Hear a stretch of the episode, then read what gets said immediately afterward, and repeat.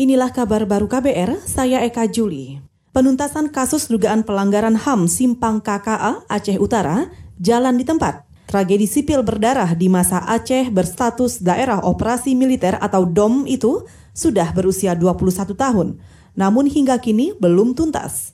Padahal menurut Ketua Komunitas Keluarga Korban Pelanggaran HAM Aceh Utara, Murtala, seluruh hasil penyelidikan dan berita acara pemeriksaan dari Komnas HAM sudah diserahkan ke Kejaksaan Agung sejak 2016 lalu. Saya selaku korban dan keluarga korban, juga korban-korban yang lain, kami tetap istiqomah dalam memperjuangkan keadilan yang sampai hari ini belum dapat kami rasakan. Kami kan sudah di BAP, sementara rekomendasi dari Komnas HAM sudah dikirim ke Kejaksaan Agung. Pun sampai hari ini, kami belum ada mendapat jawaban yang pasti dari Kejaksaan Agung. Ketua Komunitas Keluarga Korban Pelanggaran HAM Aceh Utara, Murtala, mendesak Kejaksaan Agung segera menindaklanjuti kasus dugaan pelanggaran HAM berat di Simpang KKA hingga tuntas.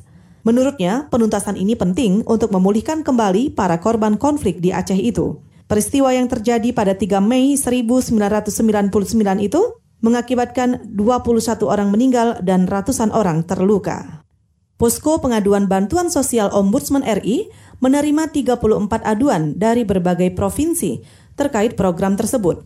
Posko ini dibuka sejak 30 April hingga Sabtu 2 Mei 2020.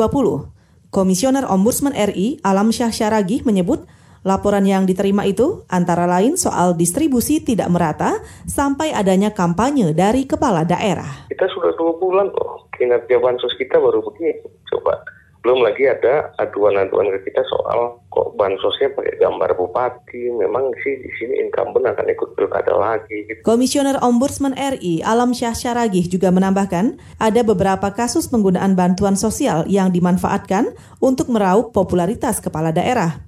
Ia mengkritik hal ini. Menurutnya, Pemda seharusnya fokus menyelesaikan masalah sosial saat pandemi, bukan malah mengambil kesempatan. Selain itu, ada banyak program bantuan sosial dari pemerintah membuat pembagian tidak rata dan tidak tepat sasaran. Sejumlah pemimpin negara Eropa mendukung inisiatif menaikkan anggaran mencapai lebih dari 100 triliun rupiah untuk menemukan vaksin guna menekan angka virus corona secara global. Dukungan itu antara lain datang dari Prancis, Jerman, dan Inggris.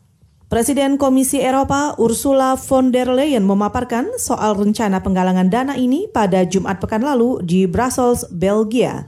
Hari ini, rencananya konferensi untuk membahas penutupan celah pembiayaan penelitian itu akan dibahas secara online. Itu lantaran dibutuhkan dana besar untuk riset vaksin, juga untuk ketersediaan dan akses kesehatan bagi penduduk dunia. Saat ini ada 3,4 juta orang di dunia positif COVID-19.